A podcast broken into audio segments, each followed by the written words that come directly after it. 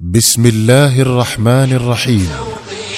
شوقي للقياهم يزيد ولحبهم هتف القصر يا جيل أتباع الهدى أشرق علينا من جديد شوقي يسر جمعية مودة أن تقدم لكم صورا من حياة الصحابة لعبد الرحمن رأفت الباشا. رحمه الله. النعمان بن مقرن المزني رضي الله عنه. الدنيا فمن قادوا ولا عرفوا المحيط هم أسوة الإنسان في الأقوال والفعل السديد. كانت قبيلة مزينة تتخذ منازلها قريبا من يثرب على الطريق الممتدة بين المدينة ومكة. وكان الرسول صلوات الله وسلامه عليه قد هاجر إلى المدينة وجعلت أخباره تصل تباعا إلى مزينة مع الغادين والرائحين فلا تسمع عنه إلا خيرا. وفي ذات عشية جلس سيد القوم النعمان بن مقرن المزني في ناديه مع إخوته ومشيخة قبيلته فقال لهم يا قوم والله ما علمنا عن محمد إلا خيرا ولا سمعنا من دعوته إلا مرحمة وإحسانا وعدلا فما بالنا نبطئ عنه والناس إليه يسرعون. ثم أتبع يقول أما أنا فقد عزمت على أن أغدو عليه إذا أصبحت فمن شاء منكم أن يكون معي فليتجهز. وكأنما مست كلمات النعمان وترا مرهفا في نفوس القوم فما إن طلع الصباح حتى وجد إخوته العشرة وأربعمائة فارس من فرسان مزينة قد جهزوا أنفسهم للمضي معه إلى يثرب للقاء النبي صلوات الله وسلامه عليه والدخول في دين الله. بيد أن النعمان استحى أن يفد مع هذا الجمع الحاشد على النبي صلى الله عليه وسلم دون أن يحمل له وللمسلمين شيئا في يده. لكن السنة الشهباء المجدبة التي مرت بها مزينة لم تترك لها ضرعا ولا زرعا فطاف النعمان ببيته وبيوت إخوته وجمع كل ما أبقاه لهم القحط من غنيمات وساقها أمامه وقدم بها على رسول الله صلى الله عليه وسلم وأعلن هو ومن معه إسلامهم بين يديه. اهتزت يثرب من أقصاها إلى أقصاها فرحا بالنعمان بن مقرن وصحبه. إذ لم يسبق لبيت من بيوت العرب أن أسلم منه أحد عشر أخا من أب واحد ومعهم أربعمائة فارس. وسر الرسول الكريم بإسلام النعمان أبلغ السرور وتقبل الله جل وعز غنيماته. وأنزل فيه قرآنا فقال ومن الأعراب من يؤمن بالله واليوم الآخر ويتخذ ما ينفق قربات عند الله وصلوات الرسول. ألا إنها قربة لهم؟ سيدخلهم الله في رحمته. إن الله غفور رحيم. انضوى النعمان بن مقرن تحت راية رسول الله صلى الله عليه وسلم وشهد معه غزواته كلها غير وان ولا مقصر. ولما آلت الخلافة إلى الصديق وقف معه هو وقومه من بني مزينة وقفة حازمة كان لها أثر كبير في القضاء على فتنة الردة. ولما صارت الخلافة إلى الفاروق كان للنعمان بن مقرن في عهده شأن ما يزال التاريخ يذكره بلسان ندي بالحمد رطيب بالثناء. فقبيل القادسية أرسل سعد بن أبي وقاص قائد جيوش المسلمين وفدا إلى كسرى يزدجرد برئاسة النعمان بن مقرن ليدعوه إلى الإسلام. ولما بلغوا عاصمة كسرى في المدائن استأذنوا بالدخول عليه فأذن لهم ثم دعا الترجمان فقال له سلهم ما الذي جاء بكم إلى ديارنا وأغراكم بغزونا؟ لعلكم طمعتم بنا واجترأتم علينا لأننا تشاغلنا عنكم ولم نشأ أن نبطش بكم. فالتفت النعمان بن مقرن إلى من معه وقال إن شئتم أجبته عنكم وإن شاء أحد منكم أن يتكلم آثرته بالكلام. فقالوا بل تكلم. ثم التفتوا إلى كسرى وقالوا هذا الرجل يتكلم بلساننا فاستمع إلى ما يقول. فحمد النعمان الله وأثنى عليه وصلى على نبيه وسلم ثم قال إن الله رحمنا فأرسل إلينا رسولا يدلنا على الخير ويأمرنا به. ويعرفنا الشر وينهانا عنه.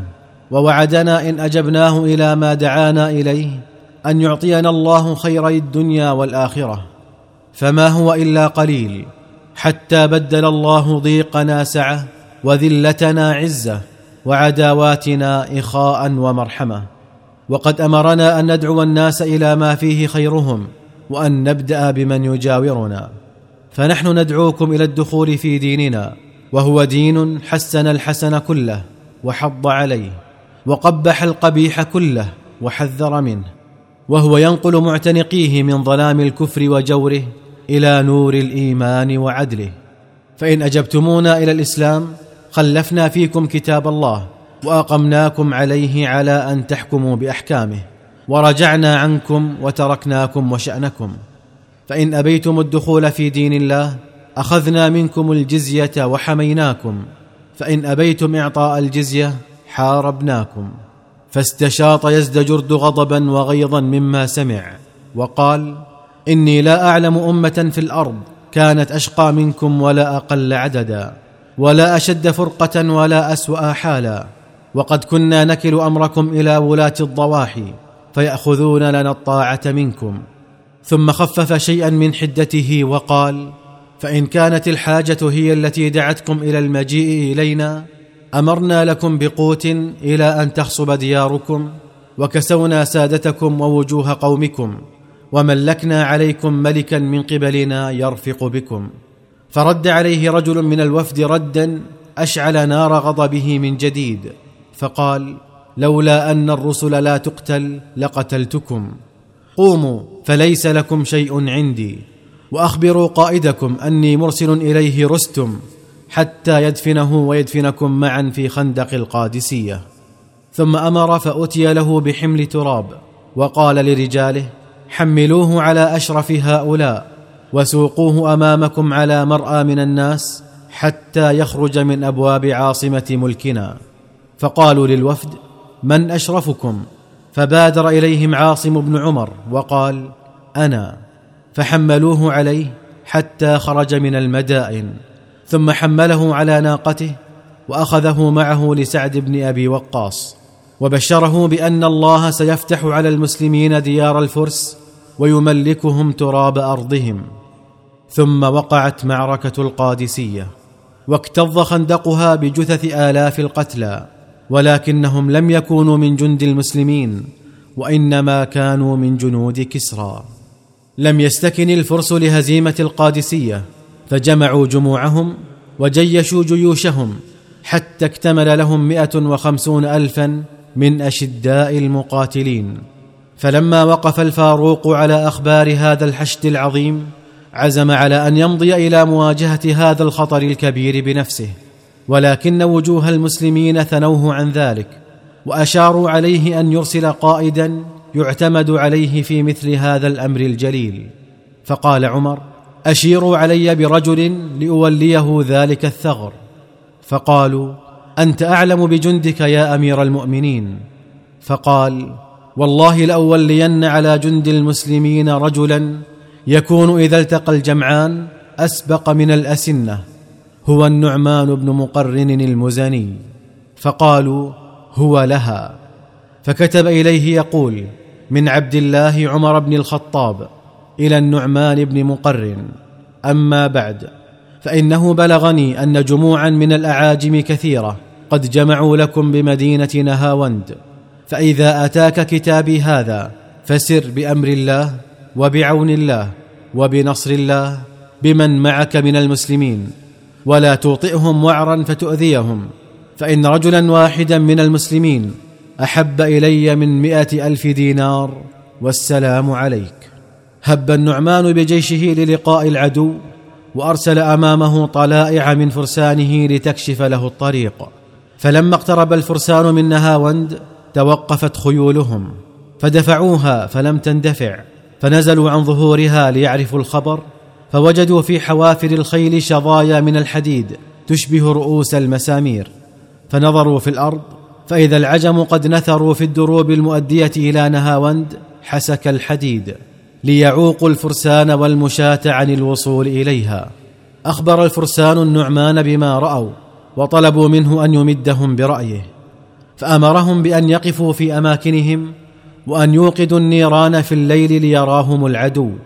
وعند ذلك يتظاهرون بالخوف منه والهزيمة أمامه ليغروه باللحاق بهم وإزالة ما زرعه من حسك الحديد وجازت الحيلة على الفرس. فما إن رأوا طليعة جيش المسلمين تمضي منهزمة أمامهم حتى أرسلوا عمالهم فكنسوا الطرق من الحسك فكر عليهم المسلمون واحتلوا تلك الدروب. عسكر النعمان بن مقرن بجيشه على مشارف نهاوند وعزم على أن يباغت عدوه بالهجوم.